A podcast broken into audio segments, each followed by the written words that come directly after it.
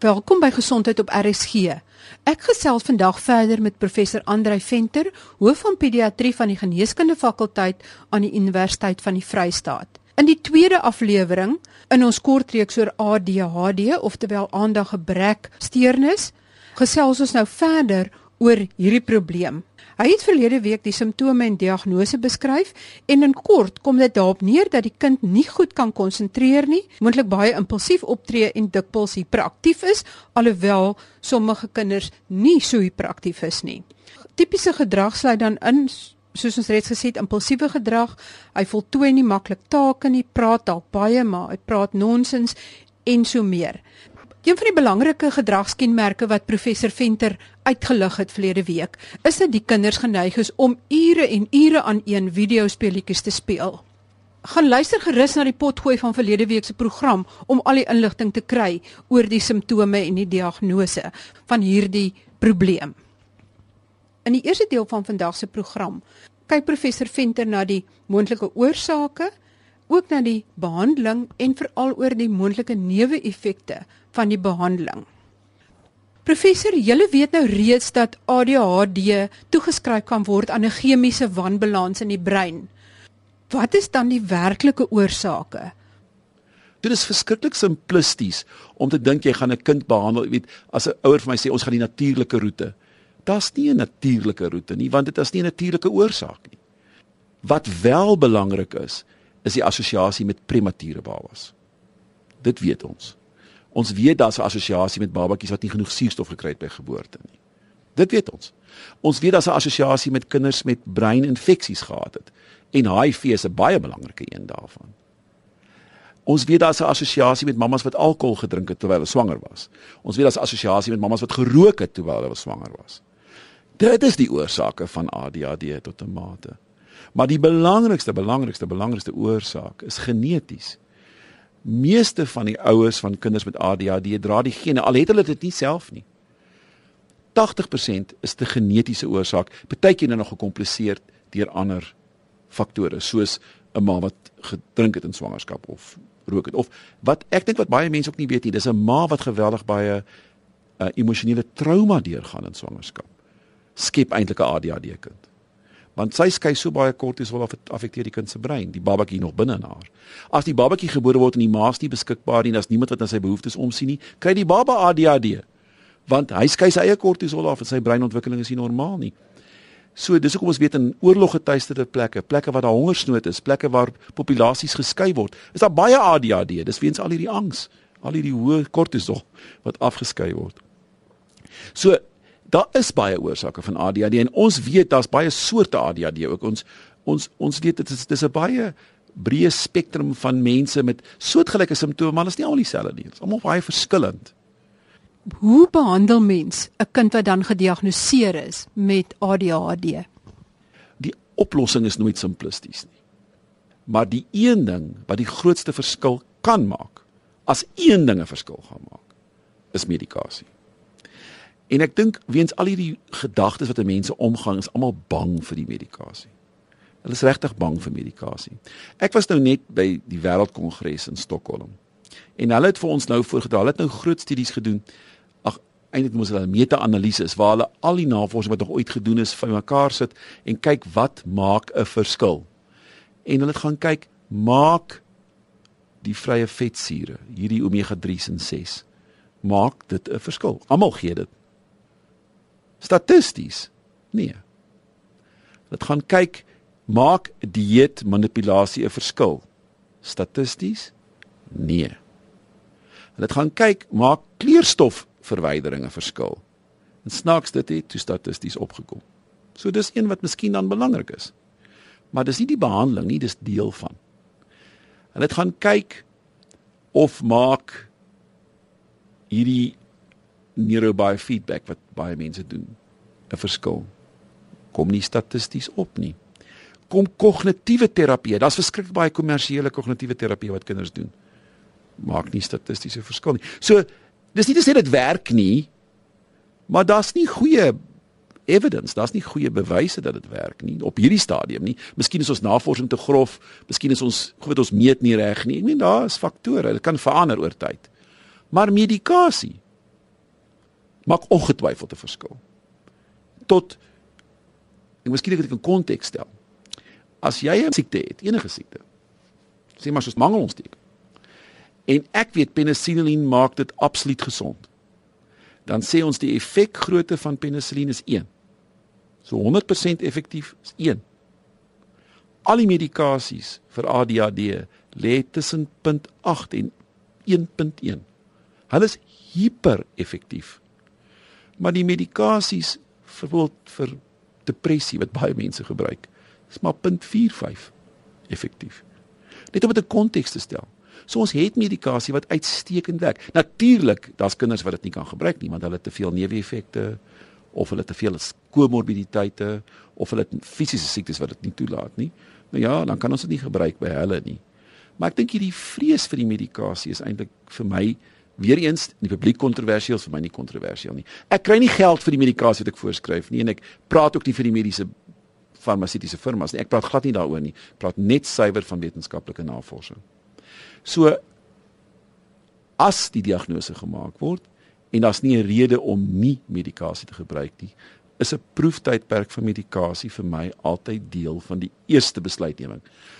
En 'n proeftydperk op stimulante is 2 weke, 'n proeftyd op nie-stimulante is 4 uh, eh, tot 6 weke. Maar doen net die proef, kyk hoe dit werk. As dit goed werk, met min neeweffekte, dan eksploreer ons dit verder. As dit 'n fiasco is en die kind huil heeldag en nag en dit is 'n gemors, dan gaan jy nie verder nie.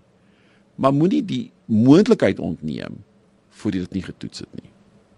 Wat is daardie ongewenste neeweffekte wat maak dat kinders dan liefs moet ophou om die middels te gebruik? Dit hang af van hulle ouderdom. So, wat laat kinders staak?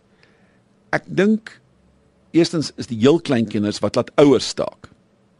En dit is kinders wat heeldag huil. Ons noem dit disforie. Hulle is net ongelukkig.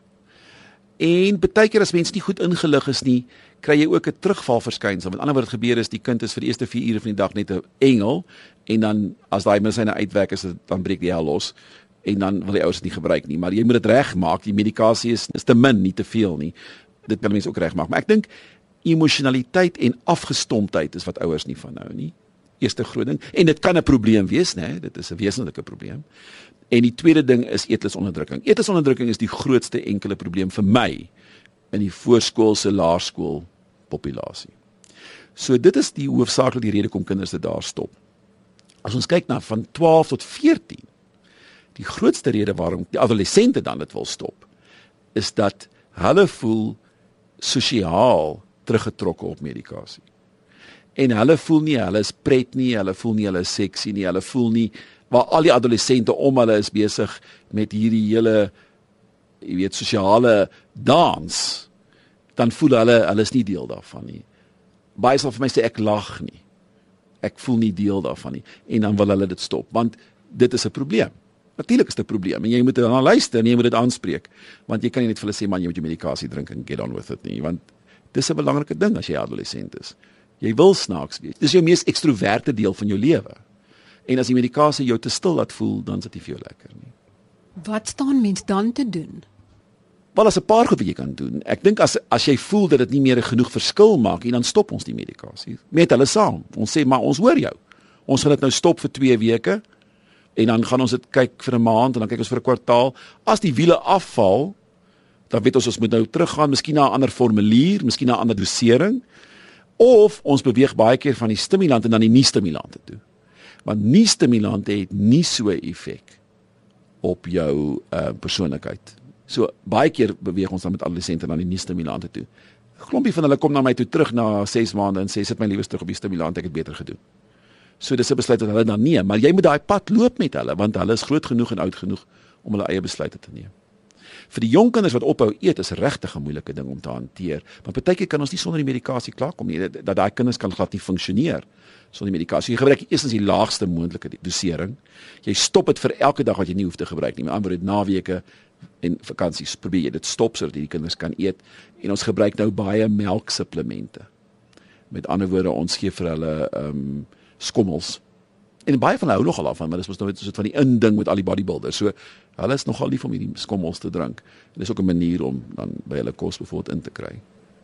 Ons probeer verhoed dat hulle net te veel van die stysels eet, maar partykeer moet 'n mens nou maar net gelief neem. Sê dis beter as niks. Kan mens ADHD ontgroei? As jy my 20 jaar terug gevra het, dan was die antwoord ja. Jy ontgroei ADHD.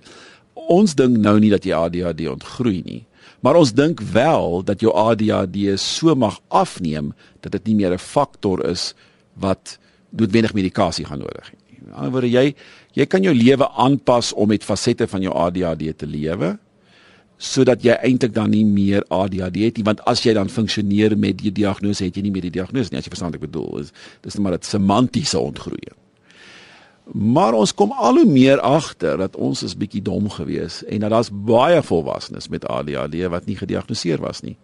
En ek wil nou sê dat ons het hartbeklei as pediaters om die psigiaters te oortuig dat ouers dit ook het want ons sien mos die ouers. ons sien hoe lyk hulle.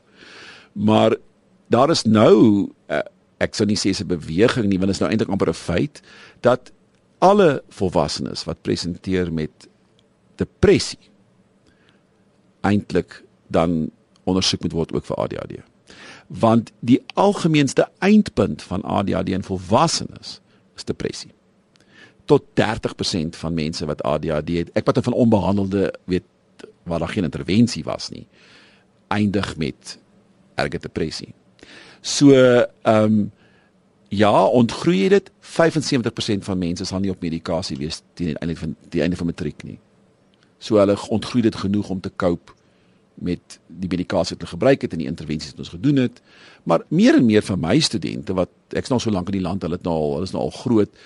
Hulle gebruik hulle medikasie op universiteite. Hulle kan amper nie daar sonder leer nie, maar as hulle eers klaar is, hulle gaan 'n veld wat vir hulle lekker is, dit hulle baie keer nie meer die medikasie nodig nie. Maar ek dink die volwasse korps wat besig is om te groei met ADHD is 'n feit en dat daar al hoe meer medikasie vir volwassenes voorgeskryf word daar's 'n gevoel in die wêreld diskurs dat dit is nie meer goed genoeg om te sê man dit maak nie saak as jy ADHD se man is nie kry net 'n goeie vrou en 'n goeie sekretaresse. Daar's meer in die lewe as dit. Jy het nou nou gesê dis geneties. Kom dit meer in in mans voor as in vroue of is dit ook 'n mite? Alles verander so maar met die tyd. As jy my nou 10 jaar terug gevra het so gesê het dit kom baie meer in mans voor Dit kom nog steeds in mans, die manlike geslag moet ek sê voor, meer as vrouens. Maar ons het altyd gedink dit is 4 tot 1. Maar dit het nou al 'n bietjie verander, dis nou al 2 tot 3 tot 1. So dit kom meer in mans voor. Seker nog steeds dubbel soveel. Maar ons het wat het wat dit verander het is die meisies wat nie hiperaktief was nie wat gemis was. En eers so op 14 word hulle gediagnoseer met angsdepressie. En dan kom hulle agter hulle is eintlik ADHD wat nooit gediagnoseer nie want hulle het nie die hiperaktiwiteit deel daarvan gehad nie. So hulle is daai dromers, hulle is hulle is daai dumb blondes, hulle sit in die klas, hulle weet nie wat om hulle aangaan nie en hulle word baie angstig en laterand word hulle depressief. Jy het nou nog gesê van die verband tussen depressie en ADHD. Wat gebeur dan in die brein dat jy hierdie koneksie maak? Jy sal onthou ek gepraat het in die begin van ons gesprek het ek gesê dat mense 'n lae selfbeeld. Nou die area in jou brein wat wat jou selfbeeld aanspreek. Aan ander woorde daai area in jou brein wat jou laat goed voel oor jouself, wat voel jy het goed bereik in jou lewe, wat voel jy weet ons praat van stroking in Engels wat jy jy jy strookt. Jy jy weet jy het 'n koek gebak en almal geniet en jy voel goed oor jouself. Jy het mooi aangetrek en jy gaan uit en mense sê vir jou maar jy lyk pragtig. Jy voel jy goed oor jouself. Nou daai area in ADHD kinders werk nie. Met ander woorde, hulle voel nooit goed oor hulle self nie. Ons as ouers en as volwassenes hou aan daarom sodat ons agterkom. Vir ADHD mense sê jy's goed, well done, mooi gedaan. Weet jy, dit was oulik want dis of hulle net nie self besef nie. So as jy dan nie medikasie gebruik nie, as jy medikasie so stimulante gebruik of nie stimulante. Hulle stimuleer ook daai area en gee dan vir jou kans om 'n selfbeeld te ontwikkel. En dis een van die belangrike redes waarom as jy medikasie gebruik, jy dit vroeg moet gebruik. Want hoe as die as die selfbeeld eers in weet 'n probleem is, dan maak die medikasie dit nie meer feeslik reg nie. Jy moet dit verhoed dat dit gebeur. Nou as jy dan groot word met hierdie fout in jou lewe, hierdie hierdie gevoel dat jy's net nie goed genoeg nie, dis wat éventueel lei tot angs. En en depressie dan éventueel dit so dis nie 'n chemiese wanbalans wat die wat die die depressie dan veroorsaak nie. Dit is werklik 'n nagevolg van 'n chemiese wanbalans wat jou nie 'n selfbeeld laat ontwikkel het nie. So ons kan eintlik die hele progressie half stop as die diagnose gemaak word en die kind korrek behandel is.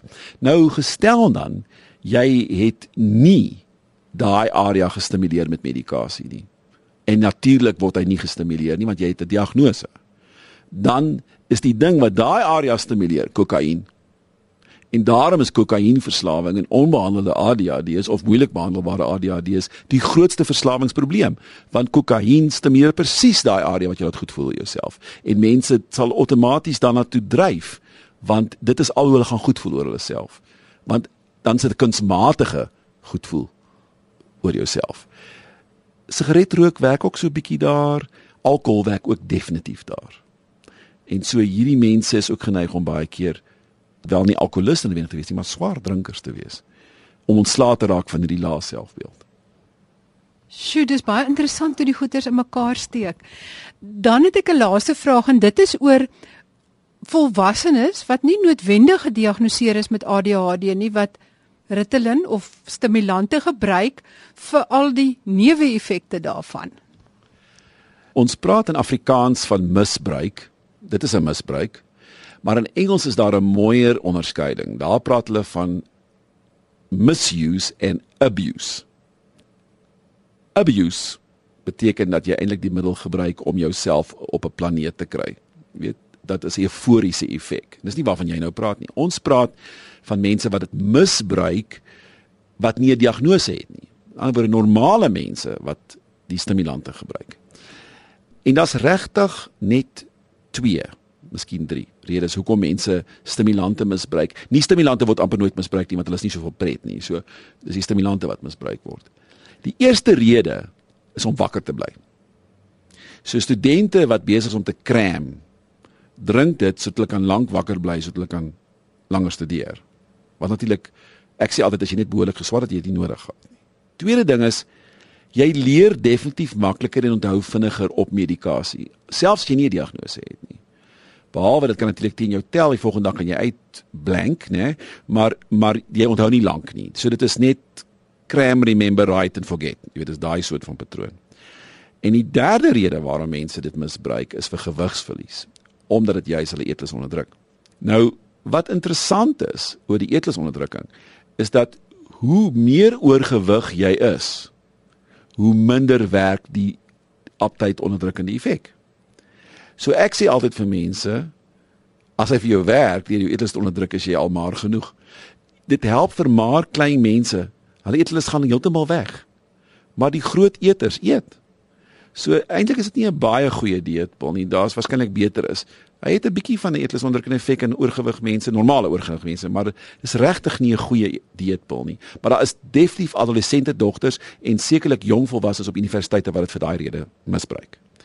Vir die studeer, um, is daar wetenskap wat wys dat dit eintlik so werk. Dit hou jou wakker, dit laat jou beter leer.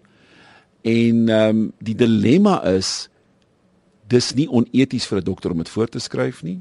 En daar's redes wat ek nie wil ingaan nie, maar hulle kan dit oor sekere kappe hang dat dit in beswil van die pasiënt is en dat 'n goeie pasiënt-dokter verhouding is dat dat. Dit beteken nie dat jy 'n dokter kan bel en sê los my 'n voorskrif nie. Dit is nie aanvaarbaar nie, maar jy kan dit in konsultasie kry.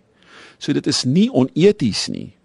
En omdat dit voorgeskryf word vir iets waarvoor dit nie ontwikkel is nie, is ook nie onwettig nie, want ons het ook 'n loophole daar wat sê dat jy goed uh, kan voorskryf of label. Dit beteken nie waarvoor dit geregistreer is nie. So dis moeilik vir die mediese gemeenskap om hulle regtig hieroor uit te spreek. Dit is 'n morele sosiale issue. En die sosiale diskurs moet eintlik hierdie saak aanspreek. En hulle gaan dit nie aanspreek nie, want ons lewe in 'n tyd van onmiddellike gratifikasie. Mense wil die minimum doen, die maksimum effek hê en as dit nou is om medikasie te drink, dan drink hulle ook maar die medikasie. En dit is nou so erg dat ouers met my kom en sê maar 10 by 10 van die kinders in my kind se matriekklas gebruik medikasie. Jy moet maar vir hom ook voorskryf want hy kan nie 'n agterstand hê. Om dit te kry nie so daar is in die sosiale gewete amper nie meer 'n punt hieroor om te sê maar maar ons doen eintlik iets wat nie moreel is en nog te verder te vat. Net die rykes kan dit bekostig en die armes kan dit nie kry nie. Nou het ons nog 'n verdere sosiale diskurs om te sê maar dis eintlik oneties. Maar nie medies oneties nie, dis sosiaal oneties. En dis 'n interessante gesprek vir 'n ander dag. Klink amper soos die gebruik van anaboliese steroïde. Professor, as jy 'n laaste boodskap moet gee vir ouers wat dink dat hulle kind dalk ADHD het, wat sal dit wees? Ek dink dat wanneer die onderwyseres vir jou sê daar's 'n probleem dat jy dit ernstig opneem en dat jy jou kind laat evalueer totdat jy seker is jy's op die regte pad. Dit help net eenvoudig nie om hierdie goed te ignoreer nie. En as dit op die eind uitkom, ek het al pasiënte gesien wat vir die ouers sê, "Man, jou kind is perfek fyn. Go forth and multiply. Ons gaan niks verder hier doen nie." Dan het jy dan daai vertroue dat jy dit ernstig opgeneem het. Maar aan die tweede ding wat ek vir ouers sê, moenie jou ore uitleen aan elke ding wat elke persoon sê nie. Ek sê baie keer wanneer ek praatjies gee, dat ek is in 'n veld wat baie moeilik is, want almal wat ek ontmoet is 'n ekspert. En mense is nie almal experts nie. Kry die regte goed. As jy nie weet waar om te gaan nie, bel mense wat kundig is, gaan op die regte webwerf op die rekenaars, gaan lees die regte goed.